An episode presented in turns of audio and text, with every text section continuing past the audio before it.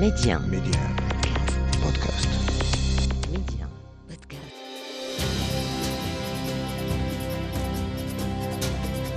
لنبدأ من حيث توقفنا انعقاد المناظرة الوطنية الأولى للإعلام والاتصال نهاية مارس 1993 جاء في سياق طبعته متغيرات. شهدتها الساحة السياسية في تلك الفترة كان لها ما لها. أسست لما سيجري بعد ذلك من تحولات أخذت نحو خمس سنوات وكانت حافلة. هنا توقف عند ذلك الحدث غير المسبوق الذي واكبته وعشته كما عاشه المغاربة حينها وبشكل لم يسبق له مثيل.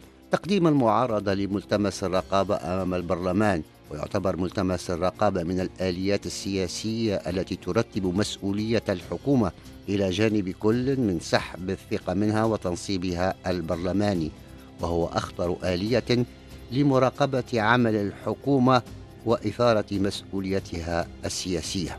وقد عرفت التجربة البرلمانية في المغرب تقديم ملتمسين للرقابة الأول عام 1964 والثاني في 17 من ماي 1990 وهو ما يهمنا الآن.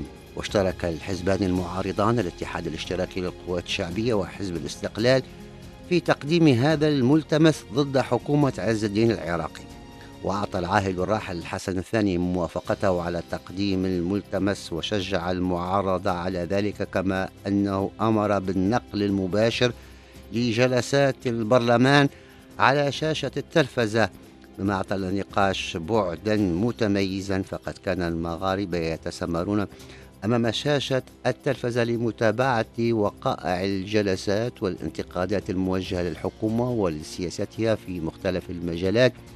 وبرزت كفاءات المعارضة وهي تتساءل وتنتقد وتحلل وكان ذلك مناسبة لطرح الإشكالية الدستورية والإصلاحات السياسية وترك النقاش حول القضايا التي طرحت أثرا كبيرا على الحياة السياسية وكان مستواه عاليا ورفيعا وحقق نسبة مشاهدة تلفزيونية قياسية. ويتذكر المغاربة كيف كان النواب الاتحاد الاشتراكي للقوات الشعبية خصوصا فتح الله والعلو رئيس الفريق النيابي ووزير الاقتصاد والمالية بعد ذلك في حكومة التناوب والنائب الاستقلالي رئيس الفريق في البرلمان محمد الخليفة وهما يدافعان عن الملتمس والإصلاحات السياسية ويواجهان الوزير الأول عز الدين العراقي القيادي الاستقلالي السابق والمصطلحات المستعملة في المداخلات بات يتداولها الشارع.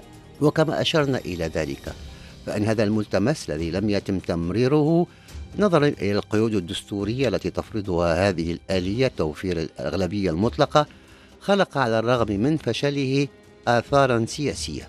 من بينها التعديل الدستوري في سنة 1992 و 1996 ثم تجربة التناوب بعدها عام 1998 وفي الخطاب الذي وجهه العاهل الراحل الحسن الثاني بمناسبة افتتاح السنة التشريعية 1990-1991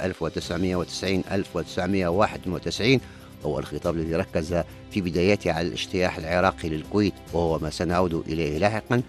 في هذا الخطاب قال العاهل الراحل لقد تتبعت كما تتبع المغاربة كلهم النقاش الحاد والنافع والمثمر الذي جرى بينكم حينما طرحتم ملتمسا للرقابة.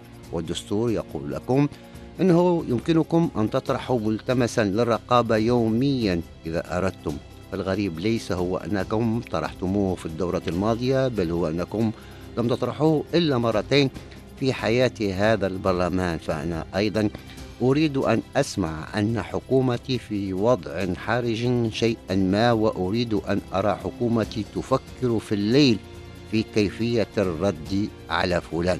وفي إطار هذا السياق المذكورة معالمه سلفا تأسست الكتلة الديمقراطية من أحزاب الاتحاد الاشتراكي للقوات الشعبية وحزب الاستقلال وحزب التقدم والاشتراكية ومنظمة العمل الديمقراطي الشعبي والاتحاد الوطني للقوات الشعبية. وجرى الإعلان عن تأسيس الكتلة في حفل في أحد فنادق الرباط كنت حاضرا فيه. وجلس في المنصة الرئيسية زعماء الأحزاب الخمسة وامتلأت القاعة بالصحفيين وشعر الجميع بأن تحولا له وزنه طرأ على المشهد السياسي وبعد ثلاثة أيام من تأسيسها شرعت الكتلة الديمقراطية في تقديم العديد من المذكرات والرسائل إلى الملك غير أن أهم مذكرة كانت تلك المتعلقة بالإصلاح الدستوري والمؤسسي. في التاسع عشر من يونيو 1992 طلبت من خلالها بإصلاحات سياسية ودستورية. في هذا السياق الجديد انعقدت إذا المناظرة الوطنية الأولى للإعلام والاتصال في نهاية مارس 1993 تحت شعار الفضاء الإعلامي رهانات المستقبل وكنت حاضرا فيها كما أشرت إلى ذلك في الحلقة السابقة وقد اهتم الراحل الحسن الثاني بهذه المناظرة وبعث بالوزير الأول كريم العمراني ومستشاريه ووزراء لحضور حفل الافتتاح كما حضر قادة جميع الأحزاب السياسية ووجه رسالة إلى المتناظرين جاء فيها على وجه الخصوص أن الأخبار اليوم حق من حقوق المواطن وبالتالي حق من حقوق المجتمعات وسوف نستمر في بذل قصارى الجهود. لفتح المجال أمام الإعلام للقيام بدوره الإخباري كاملا وإيجاد الظروف الملائمة لتمكين أفراد المجتمع من الاستفادة من هذا الحق. كيف سيمضي المسار بعد ذلك؟ الحديث بقية. في لقاء قادم.